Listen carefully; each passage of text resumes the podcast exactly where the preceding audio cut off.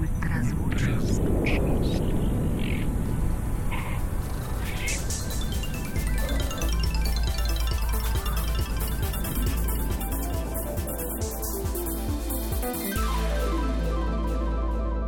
Ultrazvok.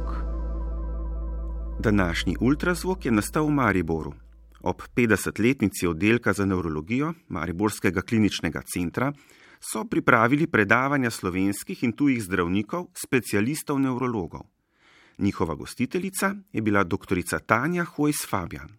Smo drugi največji oddelek v Sloveniji in eh, pokrivamo področje populacije okrog 300 tisoč. Najpogostejše eh, vzroki hospitalizacije in obravnav bolnik so možgansko-žilne bolezni, ki predstavljajo skoraj polovico vseh hospitaliziranih bolnikov.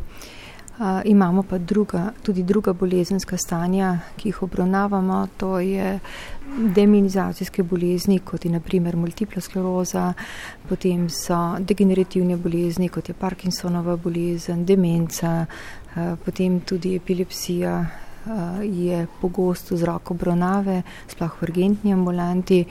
Potem imamo pa tudi druge imunsko pogojene bolezni, kot je miastenija gravis, potem so glavoboli. Ta in še druga nevrološka obolenja ter težave.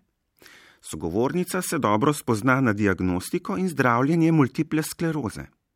Strokovnjaki ocenjujejo, da živi v Sloveniji do 3500 ljudi z multiplo sklerozo, kar nas uvršča med države z visokim številom bolnikov s to zahrbtno in nepredvidljivo boleznijo.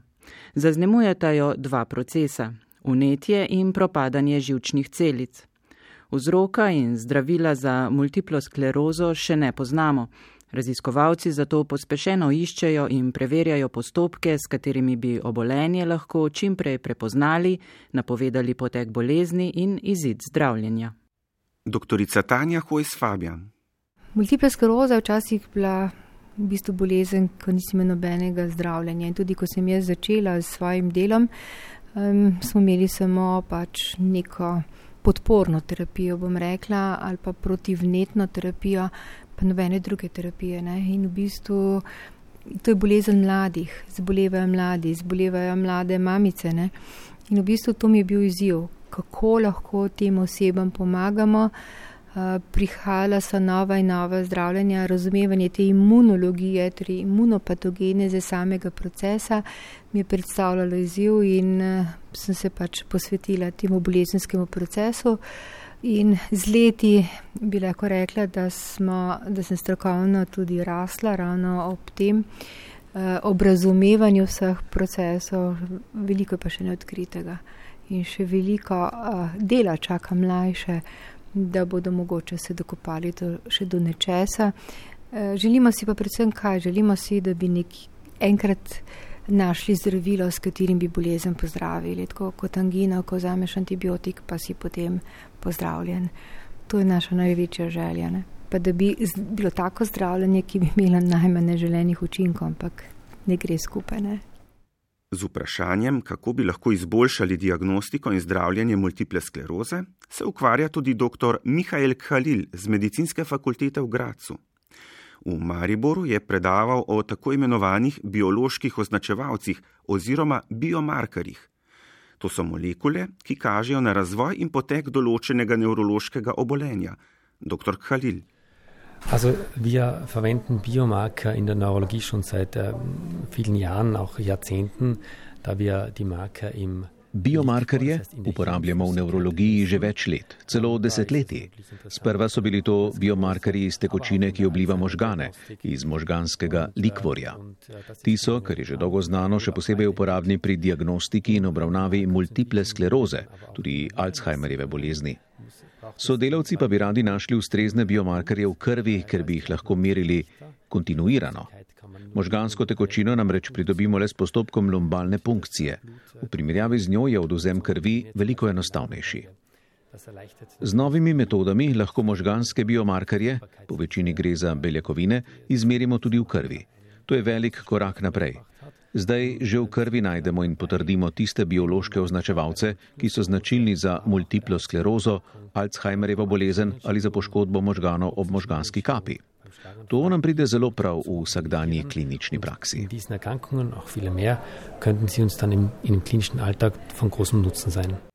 Dr. Khalil išče biomarkerje tudi s pomočjo magnetne resonance. Und, uh, wir versuchen eben jetzt diese Marker Äh, äh,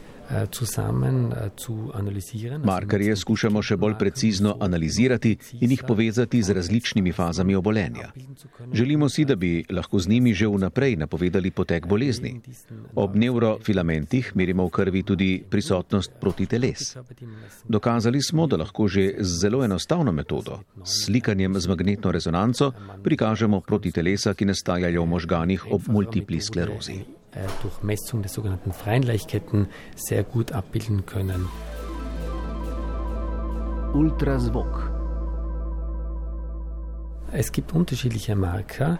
Ein wichtiger Marker, der auch mittlerweile sehr bekannt ist, ist das Neurofilament. Poznamo različne biomarkerje. Zelo pomemben in zdaj že tudi zelo znan je neurofilament, ki se sprosti, kadar so žilčne celice poškodovane in propadajo. S pomočjo biomarkerja lahko ocenimo, kako velika je škoda. Prej smo prisotnost tega neurofilamenta, te beljakovine, določili v možganskem likvorju, zdaj pa tudi v krvi. Prisotnost markarja nam sporoči, da so nevroni poškodovani, ne pove pa nam, za katero bolezen gre. Ob tem lahko ocenimo, kako obsežna je škoda na možganih, kar je dragocen podatek. Pri multipli sklerozi, na primer, lahko s pomočjo tega biomarkarja ovrednotimo uspešnost imunskega zdravljenja, manj markarja pomeni manjšo poškodbo celic, kar kaže na večjo učinkovitost terapije. Zadnje študije kažejo tudi, da lahko s pomočjo biomarkarja napovemo celo potek zdravljenja. In v letzten študiji je gezeigt auch sehr gut die Prognose abschätzen.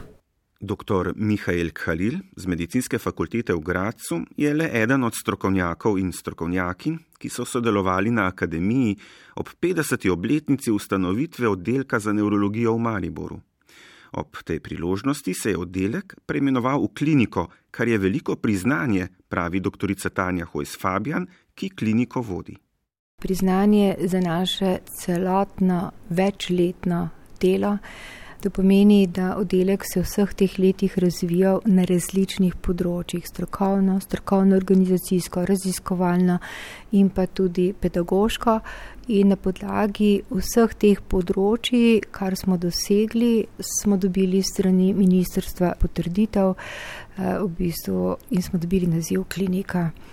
Pri tem bi rada podarila, da to je delo celotnega kolektiva da to je delo naših predhodnikov, ki so nam ustvarili neke trdne temelje, na katerih smo mi lahko samo z delom nadgrajevali in eh, nekako še izpopolnili z vsemi novitetami, ki so v svetu. In račun tega je pač v bistvu plot vsega tega dela, je ta naziv ki je tudi neka obveza za nadaljne delo, za nadaljni razvoj. Zdaj ne smemo zaspati, ne? zdaj nas še le čaka delo. Ultrazvok. My specialization is neurology. Specializiral sem iz nevrologije in kot uh, klinični nevrolog v bolnišnici delamo enoti za zdravljanje možganske kapi in epilepsije. V Mariboru sem pred mikrofon ujel še dr. Pavla Manganotija, ki dela v univerzitetni bolnišnici Katinara v Trstu.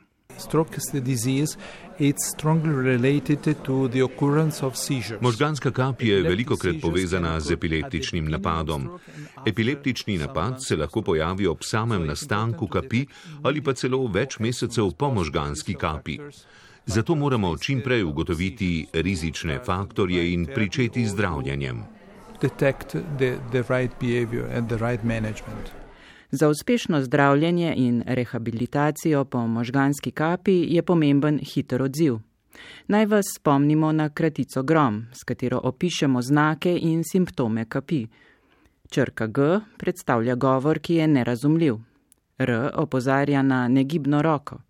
Črka O pomeni za možgansko kap značilen asimetričen obraz s puščenim ustnim kotom.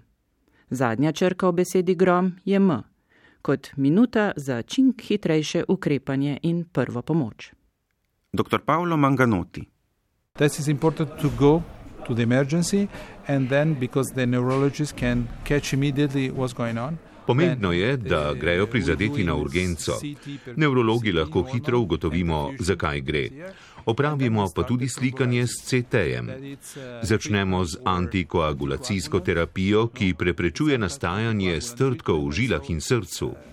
Če je zdravljenje pravočasno, lahko bolnik ali bolnica bolnišnico zapusti že v roku nekaj ur. Najmlajši pacijent je bil star 16 let, kar je redko, čeprav je med našimi bolniki kar precej mladih. Nekateri so dedno obremenjeni, drugi imajo kardiopatijo ali pa dejavnike tveganja, ki spremljajo kardiopatijo. Some cardiopathy or some uh, risk factors of cardiopathy. Največ bolnikov, ki jih sprejmejo na zdravljenje v enoto, kjer dela dr. Manganoti, pa je starih med 70 in 75 let. During the first wave of COVID 2020 in Italy, we had uh, some problem. We have, uh, we had Med prvim valom epidemije COVID-a leta 2020 smo imeli v Italiji kar nekaj težav. Pri nas smo se soočili z zmanjšanjem števila pacijentov z možgansko kapjo. Manj je bilo sprejemov v bolnišnico. To je bilo marca in aprila 2020. Zatem pa smo odprli oddelek, ki je bil namenjen COVID-nim bolnikom, ki so doživeli možgansko kap. Tako smo lahko zdravili pacijente ne glede na to, ali so bili pozitivni ali negativni na novi koronavirus.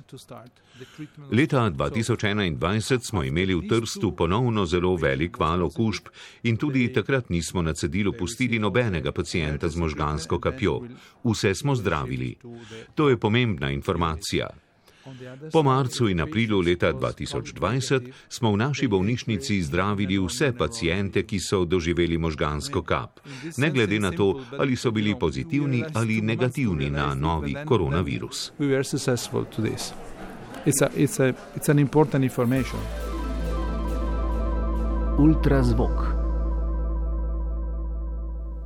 Mariborska nevrologija praznuje 50 let. Med njihovimi pomembnimi dosežki je tudi upeljava ultrazvočne diagnostike, ki jo je uvedel dr. Erih Tetičkovič. Osrednjo vlogo mora imeti bolnik, podarja dr. Tanja Hojs Fabian.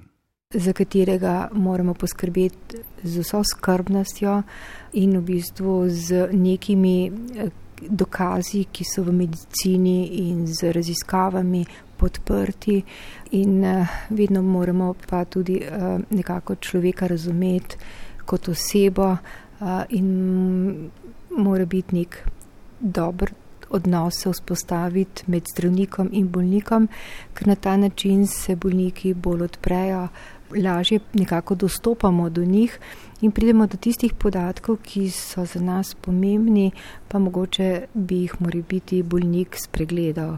In že lahko na podlagi dobro anamnestičnih podatkov in klinične slike usmerimo nadaljno diagnostiko in bolnikom najlažje pomagamo. Na kliničnem oddelku za nevrologijo v Kaci Maribor je zaposlenih skoraj 100 zdravstvenih delavcev in delavk. Med njimi so zdravnice in zdravniki, psihologinja, medicinske sestre, magistrice in magistri zdravstvene nege, tehniki in zdravstvene administratorke. Na oddelku, ki ima 82 postelj, letno zdravijo približno 2000 bolnikov z nevrološkimi obolenji.